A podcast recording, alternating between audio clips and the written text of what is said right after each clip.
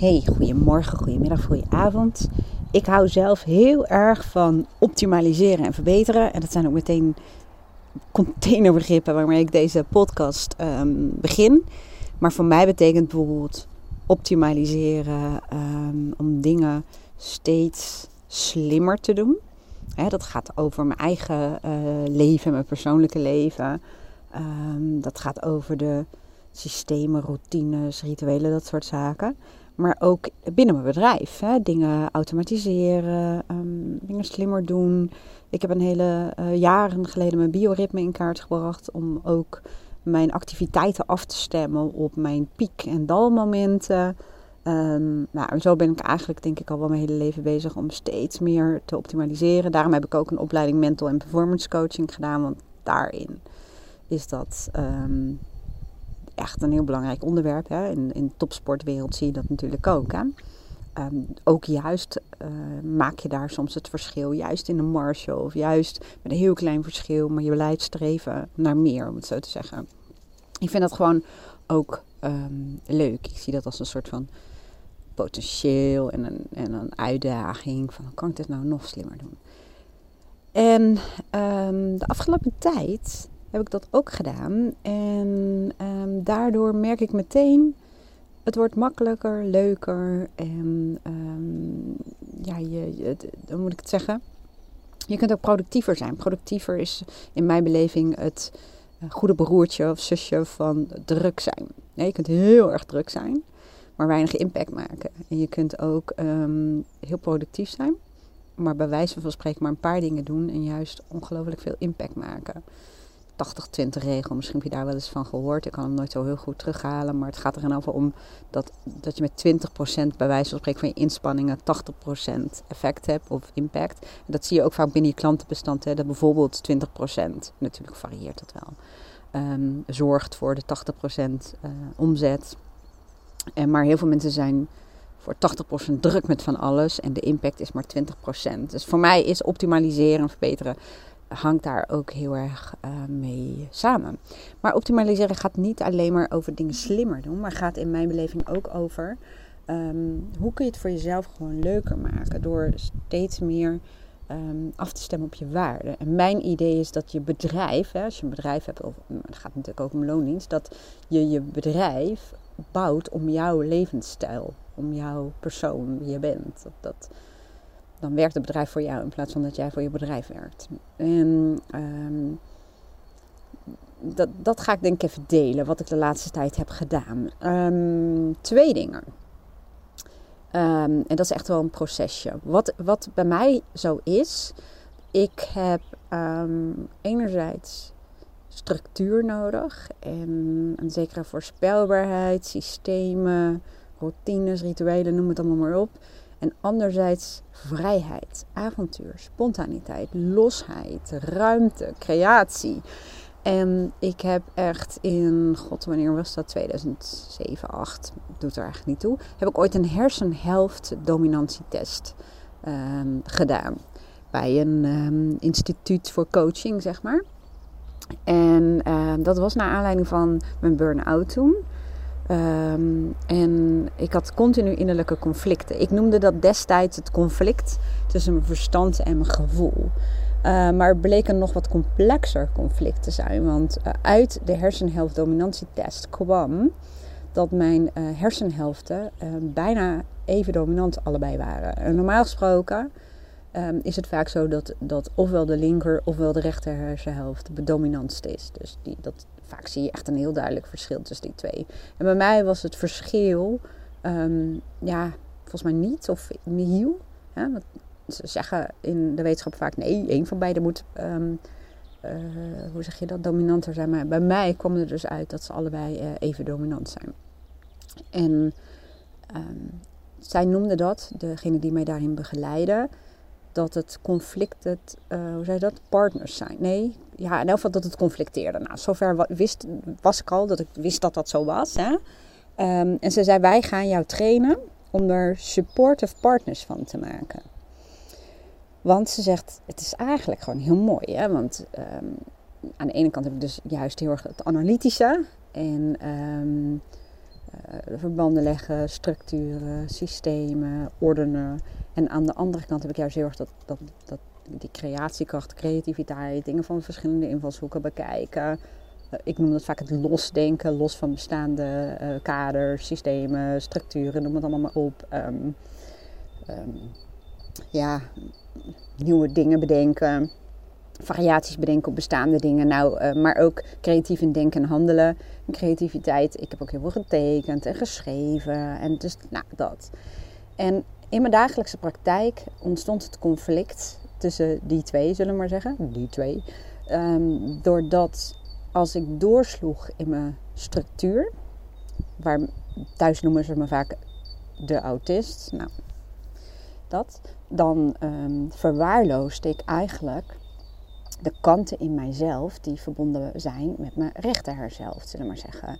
En dan werd het gewoon voor mij saai en dan snel een sleur en dan voelde ik me vastgezet en dan miste ik die vrijheid en het avontuur en de ruimte en de spontaniteit. Maar sloeg ik door naar de andere kant, dan ja, werd het gewoon chaos. Dat is misschien mijn beste uh, beschrijving die ik uh, zo nu kan bedenken. Um, nou moet ik zeggen dat um, later, jaren later, toen ik een relatie kreeg met Aaron, um, werkte dat al heel goed. Want Aaron is juist heel erg van de zekerheid en de stabiliteit. En toen hij in ons leven kwam, in het leven van mij en mijn dochter, Lisa en ik aten heel vaak bij mensen, zij bij ons, op verschillende tijdstippen, op verschillende locaties. En uh, in bepaalde, heel veel dingen waren gestructureerd. Maar er waren ook echt wel dingen die uh, nou chaotisch waren. En, en, en niet logisch soms ook. En, um, en Lisa zei op een gegeven moment, toen, we, toen ik een tijdje met Aaron wat had en we aten samen. Mama, zegt ze, we lijken wel een echt gezin. En toen dacht ik, wat dan? Ze zei, ja, we eten gewoon elke keer op hetzelfde tijdstip zo ongeveer. En um, in één keer, Aaron zorgde voor structuur, maar zodanig. In het begin ging ik me daar heel erg tegen verzetten, maar op een gegeven moment merkte ik, dit werkt goed voor mij. En eveneens voor Aaron, want wat hij deed is eigenlijk, hij hielp mij om een basis te creëren waar vandaan ik uh, de vrijheid tegemoet kon gaan. En avontuurlijk kon zijn en creatief en spontaan. Maar wel vanuit een basis. En daarnaast help ik hem nog steeds, dat doen we bij elkaar, om juist meer dat avontuurlijke. En even los van um, de gebaande paden en de structuren en, en, en nou ja, dat. Ik, ik doe heel veel. Ik zit in een kooltrui in buiten. En ik fik helemaal weg. Dus um, ik doe even mijn trui en zo weer terug. Heb je natuurlijk helemaal niks aan. Wacht even. Ja, wie doet er dan ook zo'n kooltrui aan op zo'n mooie dag als vandaag? Het is 10 maart. Ik heb geen idee hoe warm het is, maar in de zon is het best wel warm. En ik zit ook altijd, um, of ik heb deze dagen ook echt zonnebrandcrème factor 50 op. Want als ik even in de zon zit, dan um, verbrand ik uh, nogal snel. Maar goed, we gaan even verder waar we gebleven waren. Dit is dus die uh, rechter zullen we maar zeggen. Um, en nu wil mijn linker herzelf als het ware, die wil graag weer structureren. In mijn podcast hoor je dat ook vaak. Dan ben ik een zijweg en dan het andere deel van mijn brein helpt me weer om weer op het pad te komen wat ik voor mezelf had ingezet. Maar er is ook ruimte om af en toe juist een zijweg in te gaan die best wel relevant kan zijn. Hè? Net als met plannen, dat geeft je richting. Maar, um, en dat zorgt dat je een bepaalde koers hebt bepaald. Maar uh, een plan kan je ook vastzetten. Vooral, er zijn heel veel factoren en um, factoren, actoren, mensen noemen ze dat, uh, personen en dingen die van invloed zijn en waardoor je moet bijsturen. Maar goed, dat even terzijde. Um, Aaron. Nou, ik um, ging me in, het begin ging ik me daar heel erg tegen verzetten. Nu zegt een gestructureerde kant ook, je moet even teruggaan naar die hersendominantietest. Dus dat gebeurt ook in mij. Nou, ik ga er zo meteen op terugkomen. Nu merk je, nu zijn het supportive partners, dat het met elkaar samenwerkt. Hè? Die structuurkant die geeft me even de ruimte om dit te doen. Die weet inmiddels, het is functioneel. Ze doet het niet voor niks en ze komt wel weer bij mij terug. Um, nou, in het begin verzette ik me tegenaan. Want op een gegeven moment, hij had um, Luca uh, veel. En als Luca bij ons kwam, zei hij... Um, we hadden de afspraak wie het eerst thuis is die kookt. En hij zei ook, ik vind het gewoon fijn als Luca bij ons is dat we gewoon op tijd gaan eten. Want dan hebben we nog veel aan de avond. En hij was toen nog heel jong. Maar in het begin ging ik in het verzet. Dan kwam hij thuis en dan was ik er niet. Of gewoon een soort opstand, een rebels iets. En ehm, dat heeft zich even moeten zetten. Nou, dat was ook wel heel leuk, want we hebben dat toch wel echt als een team gedaan. Want ik wist wel waar dat vandaan kwam. Ehm, iets in mij kwam in verzet.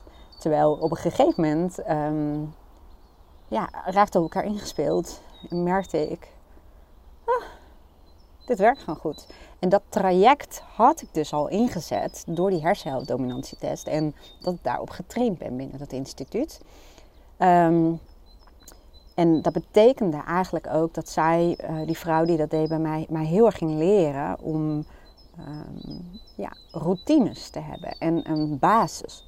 En uh, het zo te organiseren dat eigenlijk beide kanten, ik kom zo op kanten terug, um, ja, ingezet. Dat het echt ging samenwerken. En dat is niet een tralala, knopje en klaar. Nee, dat is echt wel een proces. Want wat ik al zeg, er komt soms ook verzet. Er komt in, verzet in de relatie met Aaron was het in het begin dus verzet vanuit mijn um, kant die uh, autonoom wilde blijven en de vrijheid um, wilde behouden.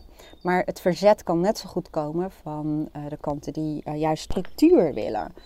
Um, die raken dan bij wijze van spreken ook even van de leg. En um, ik zei net al van, ik heb het zo over kanten. Want we hebben het hier over hersenhelften. Maar we hebben het hier net zo goed over persoonlijkheidskanten. En we hebben het hier, hier net zo goed over waarden. En daarom werk ik ook altijd met waarde, persoonlijkheid um, en neurocoaching. Dus heel veel hoe het brein uh, werkt. Het is niet voor niets, want het is met elkaar verbonden. En ik geloof heel erg in synergie. Hè? En een methodiek op zichzelf is al ongelooflijk waardevol. Maar als je het combineert, dan ja, heb je gewoon echt super tools, zeg maar. En merk je ook echt dat je leven er heel erg op vooruit gaat. Maar in mijn geval was dit echt wel een, een, een eye-opener. Als je het hebt over kanten, als je dan kijkt naar die hersenhelften, um, dan heb ik dus, zoals ze bij mij dat dan uh, benoemen als de autist. Ik heb dus een autist in mij. En dat is een deel van mij dat um, bijvoorbeeld de ochtendroutine, die is voor mij echt heilig. Als iemand daaraan loopt te peuteren, hmm, niet zo goed. En um, tijd voor mezelf, um, altijd een half uur tussen de sessies. En natuurlijk is dat effectief nooit een half uur, maar ik heb dat half uur gepland zodat er in elk geval bijvoorbeeld een kwartier overblijft. minimaal een uur lunchpauze. Elke dag wandelen om mijn hoofd, uh, mijn brein te laten fladderen. Um, maar ik merkte de afgelopen uh, tijd dat ik, um, je kunt namelijk het, het, grensje waarbij je te veel in de ene kant zit, en dus ook te veel in je ene hersenhelft, zullen we maar zeggen.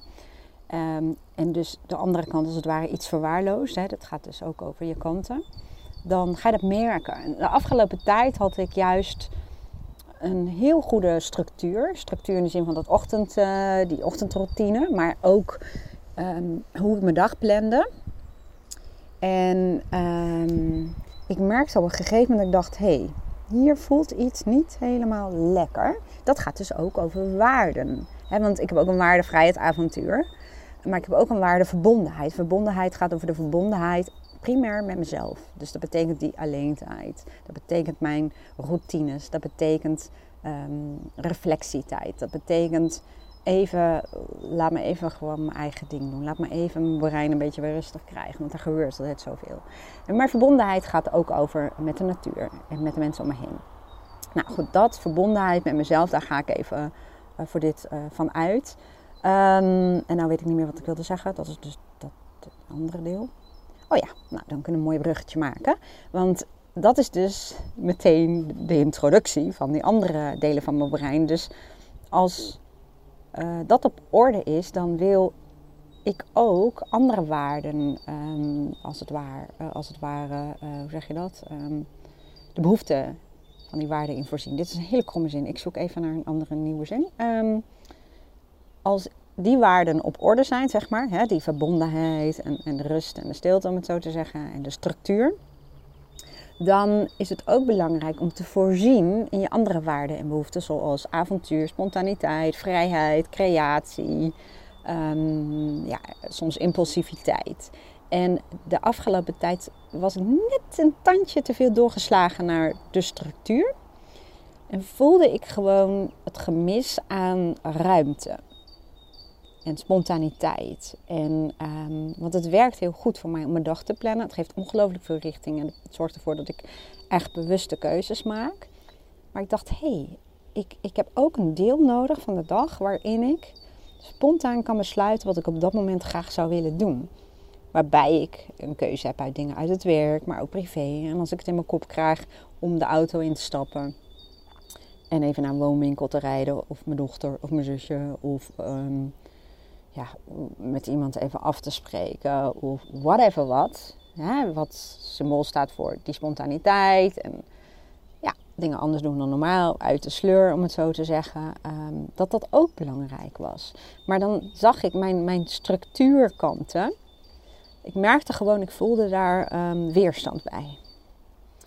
En um, het grappige is, als je het met elkaar laat samenwerken, die verschillende die kanten die ogenschijnlijk tegenpolen lijken te zijn, in, in conflict kunnen zijn. Maar als je die met elkaar samen laat werken. Kijk, het klinkt een beetje gek nu, wat ik zeg maar zo werkt het innerlijk wel in je hoofd. Um, als ik bij wijze van spreken even hoe zeg je dat, hypothetisch gezegd, tegen die uh, structuurkant had gezegd. Nou, ik wil uh, meer ruimte, spontaniteit, vrijheid, impulsiviteit. Dan komt zo'n structuurkant een beetje in de stress.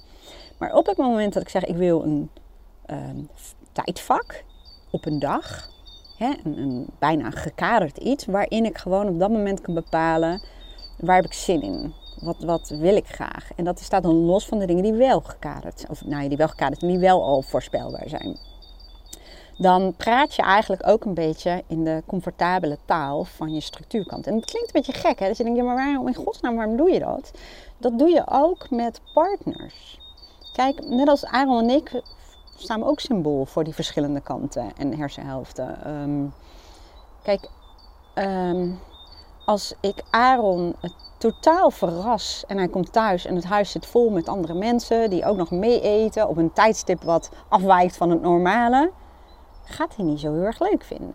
Dus je, ik kan hem helpen door op zijn werk om al even te bellen. Een stukje verwachtingsmanagement, zoals hij dat dan zelf noemt. Hij zegt dat hoeft niet per se te zijn dat ik het altijd wel leuk vind, maar ik kan me even voorbereiden. En dan voelt het voor hem veel beter. Nou, en dat, um, overigens, um, merk ik dat ik dat ook wel heb. Dat als Aaron in één keer met iets spontaans komt en ik heb er niet op voor kunnen bereiden, en dat heeft ook te maken met wat het is en wanneer het is, dan kan ik ook van de leg raken. En dan heb ik ook zoiets van, ja, ja had het even van tevoren gezegd, dat ik er even rekening mee kunnen houden. En innerlijk heb je diezelfde dialoog als het ware. En, en, en merk je zelf wel wanneer er weerstand ontstaat en hoe je daar dan mee om kunt gaan dit gaat echt over leven. Dit gaat ook over communicatie. Dit gaat bijvoorbeeld ook over salesgesprekken. Je kunt niet iemand iets door de strot heen duwen. Je zult toch eerst even moeten aftasten. Wat voor persoon heb ik hier zitten? Wat is het probleem? Welke behoeften zijn er? Hoe kunnen we daar samen um, nou ja, mee omgaan? Hoe kunnen we uh, zorgen dat we elkaar helpen als het ware? Um, en uh, door alleen al bij wijze van spreken te kijken naar hoe kan ik dat deel in mij wat zich wat verwaarloosd voelt, vrijheid, spontaniteit, avontuur, hè, creatie, die ruimte die, die het nodig heeft. Hoe kan ik dat nou zodanig oplossen dat het uh, supportive partners zijn? Dat, ze, dat, dat mijn gestructureerde kant, um, ik struikel soms over mijn eigen tong, maar gestructureerde kant, mijn enthousiaste kant, die, um, die kan als het ware voor mij organiseren dat mijn dag er zodanig uitziet dat er structuur en een basis is, maar dat er ook ruimte is om um, nou ja, los te gaan. Maar dan wel binnen een bepaald um, kadertje. En die kan soms klein of groot zijn. En dan ga je merken, dat gaat heel goed werken. Dat werkt gewoon. Dat, en het blijft soms pielen, hè? want waarden en, en hoe je in je leven conform je waarden leeft en je persoonlijkheidskanten, dat is niet een statisch iets van, nou, zo, ik heb dit nu zodanig geregeld en als ik me nu hier aan hou, dan komt het helemaal goed. Nou, forget it, succes daarmee. Want niets is statisch. En dus zeker niet je dagen en je persoonlijkheid.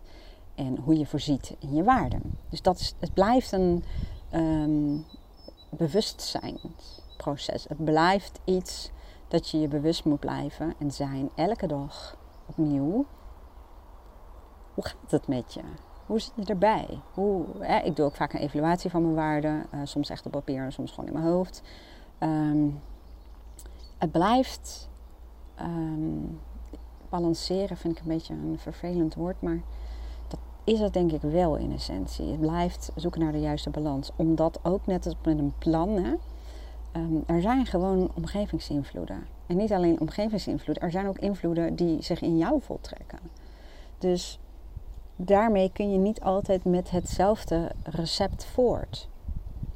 En um, hoe meer je bewustzijn hebt, hoe meer je bewustzijnsmomenten in je dag hebt, hoe meer je ook elke dag opnieuw hiervoor kunt zorgen.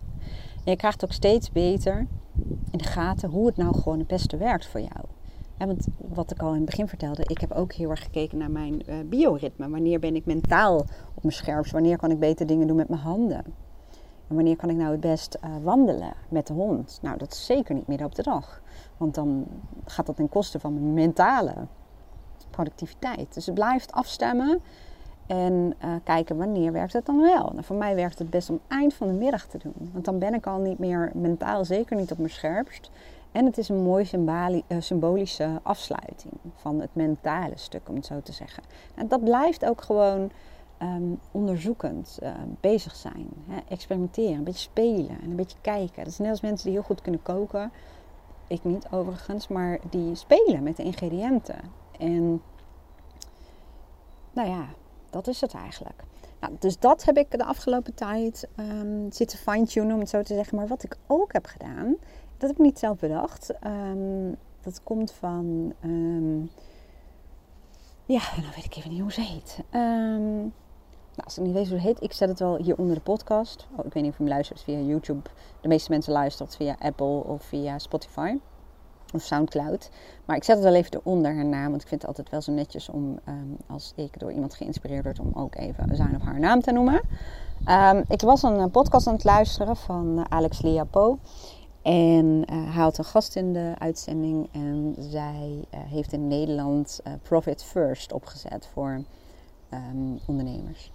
En um, ik vind het mooi en het inspireert me. Ik vind het leuk omdat het afwijkt van nou ja, het, de norm, zullen we maar zeggen. Um, en in die podcast zei zij op een gegeven moment een zin. Ik ben echt fan van zinnetjes. Kunnen bij mij echt enorm veranderen. Zij zei: Weet je, zin hebben in iets is gewoon geen criterium. En dit gaat niet over alles, maar toen dacht ik: Oh ja, ja. Zin hebben is soms gewoon geen criterium. En in één keer was het een soort klik in mijn hoofd. Dat ik dacht: Ja.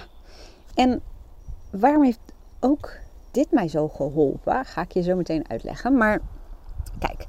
Als je bezig bent met de wet van aantrekkingskracht, um, dan wordt er heel veel gezegd je moet in alignment zijn. En um, je moet um, wachten tot je een geïnspireerde actie kunt ondernemen. En kies de weg van de minste weerstand en bij wijze van spreken doe wat je het leukst vindt. Nou, ten dele, voor groot deel, ben ik het daar ook gewoon mee eens. Ik denk dat timing heel belangrijk is in een bepaald proces. Bijvoorbeeld als je de tuin wil doen, onkruid wil plukken of, of iets om wil spitten, dan is het simpelweg gewoon slimmer om dat te doen als het droog is, waarschijnlijk, in plaats van dat het met bakken uit de hemel komt. Dus, um, en ik denk ook dat uh, als je slecht geslapen hebt, misschien een paar dagen, gaat je brein als het ware op slot. Om dan een meest briljante creatieve pagina te schrijven, hmm, dat wordt waarschijnlijk een hele opgave. Dus wellicht is het dan beter om eventjes twee nachtjes weer goed te slapen. Maar dan komen we in dat grijsgebied van uitstellen. Ehm, daarom werd ik weer even zo getriggerd door dit uh, zinnetje. Dat ik dacht, hé, hey, wat heerlijk om dit tegen mezelf te zeggen. Want ik denk soms ook van, zoals vandaag, ik factureer eigenlijk um, voor 90% van de tijd alleen maar op dinsdag. Ik, ik cluster heel veel klussen. En um, batchen, of hoe je het ook wil noemen. En van soortgelijke dingen doe ik op hetzelfde moment. Dan Dat werkt gewoon voor mij uh, beter. Nou, factoreren dus ook. Um, alleen, uh, soms denk ik, maar heb ik niet zo zin in. Doe ik morgen wel. En um, nou, nu is donderdag, dus morgen bleek dan toch overmorgen te zijn. En ik merkte nu dat ik de neiging had om tegen mezelf te zeggen, als het ware. Niet hardop hoor, want zo gek ben ik dan ook weer niet. Maar um, ja, ik kan het ook morgen doen. En dan komt dat zinnetje. Zin is geen criterium. Is criteria is meervoud, hè? Criterium is één, hè? En dan dacht ik, ja, what the fuck. Is ook zo. Want weet je wat het is? Als je alleen maar in alignment dingen doet. Als je je goed voelt en als je het afgestemd voelt. En um, als je in een hele positieve vibe bent. En um, als je geïnspireerde actie voelt. Ja, dan zou ik zeggen, bel me maar als je klaar bent. Want um, dat is soms nogal een samenkomst van allerlei dingen, wat soms even op zich kan laten wachten. Um, het is leuk, hè? Geïnspireerde actie ben ik ook wel fan van. Hè? Ik kan echt uh, heel erg, um, als ik uh, iets moet creëren of zo, dan gebeurt er heel veel voorafgaand in mijn hoofd. Terwijl ik allerlei dingen aan het doen ben die er totaal niet mee te maken hebben. En dan bam, dan in één keer dan komt het eruit. Hè? Dus dat is die geïnspireerde actie.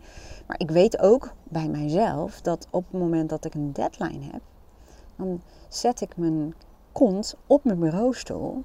En geef mezelf een klap van mijn kop. Niet te hard, want dat werkt ook niet zo lekker. En dan ga ik gewoon schrijven. En um, jammer dan dat ik een nacht slecht heb geslapen. Boeien, moet gewoon af.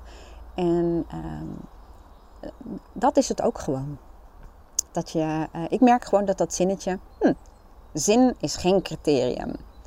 Dat dat ook gewoon heel lekker werkt. En voor hetzelfde geld zeg jij dat zinnetje tegen jezelf en werkt het voor geen ene meter. Maar ik um, wilde toch even delen wat ik de afgelopen tijd heb zitten doen als het gaat om optimaliseren en fine-tunen. En um, kijk, ik doe dat op mijn manier. Ook omdat ik mijn persoonlijkheid heb. En van mij is er gewoon maar één. En van jou ook. Dus de wijze waarop ik dat doe. Um, nou, de wijze waarop ik dat doe is, die is redelijk universeel. Of die zou je universeel in kunnen uh, zetten. Alleen de kanten die hierbij betrokken zijn en de wijze waarop je denkt en hoe je brein als het ware functioneert, is natuurlijk voor iedereen uniek. Maar het geldt wel voor iedereen dat het uh, heel slim kan zijn om A. je bioritme in kaart te brengen. En voor vrouwen heb je nog net even één dingetje extra erbij. Um, als je kijkt naar je bioritme kun je dat per dag doen. Ik ben echt gaan loggen. Zeg loggen in een paar maanden tijd. En um, kun je ook bijvoorbeeld je vrouwelijke cycli daarin meenemen. Want reken er maar op dat die van invloed is. En nou is het nog wel een dingetje, ben je aan de pil of niet? Hè? Dat kan ook absoluut wel van invloed zijn. Maar toch mij heeft het enorm geholpen om, um, ja, om dat in kaart te brengen. Mijn dagelijkse bioritme, maar ook mijn maandelijkse bioritme. Simpelweg om te kunnen fine-tunen. Om daar waar mogelijk um, daar gebruik van te maken. Want dan optimaliseer je gewoon heel goed. Dus bioritme. Daarnaast um, ja, de wijze waarop je waarden in kaart brengen. Wat zijn je waarden? Wat zijn je belangrijkste persoonlijke waarden? In hoeverre Leef je nu conform je waarden? Waar zitten tekorten? In hoeverre zijn je werkdagen, je activiteiten ingericht conform je waarden? Hoe kan je daarin tweaken? Zodat misschien zelfs in je huidige baan er toch veel meer voldoening en energie uit te halen valt. Hoe kun je, hoe kun je dat tweaken? En tot slot, um, en die pak ik dan even allebei, hè, de hersenhelftdominantietest, maar ook de verschillende kanten. Hoe zorg je ervoor dat de kanten in jou, die belangrijk uh, zijn, uh, met elkaar samenwerken. En dat je um, de innerlijke conflicten zoveel mogelijk oplost en transformeert naar samenwerking. En dit gaat ook binnen teams, hè? Het is in binnen relaties. Kijk, soms kun je qua persoonlijkheid en waarden zo ver uiteen liggen dat het een conflict situatie is. Als je kijkt naar kwaliteiten, heb je het dan over allergieën en irritatie vaak. Hè? Dan zit je in iemands allergie. En dat kan zijn dat dat niet te, um, op te lossen is. Dat, dat kan gewoon. Maar het kan ook heel goed zijn dat juist jouw um, uh, kwaliteit is wellicht de uitdaging van de ander. En kun je met elkaar um, daarmee spelen. En dan kan het elkaar juist dienen. En dat kan je dus doen in relaties uh, met andere mensen.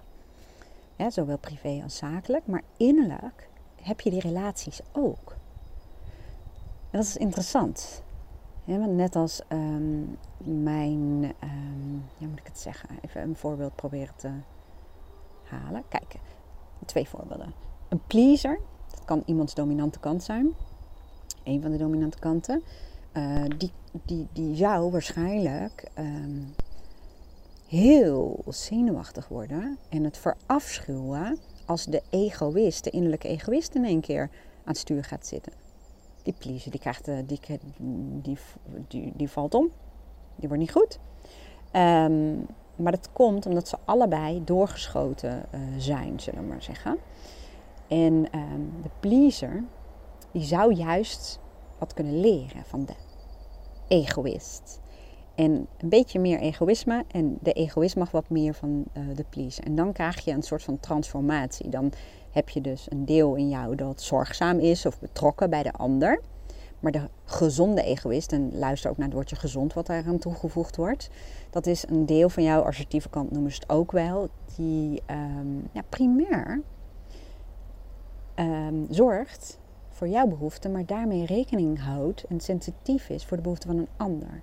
En in essentie gaat voor um, win-win als dat mogelijk is. En als het niet mogelijk is, ook trouw blijft aan jezelf. En uh, dat is die innerlijke dynamiek. Die speelt ook. En dan merk je door dat te doen, los je dus die innerlijke conflicten op. En uh, ja, ontstaat daar ook een harmonie. En als mens doen we het gewoon vaak goed op harmonie, harmonie, afhankelijk van wat dat nou voor jou betekent.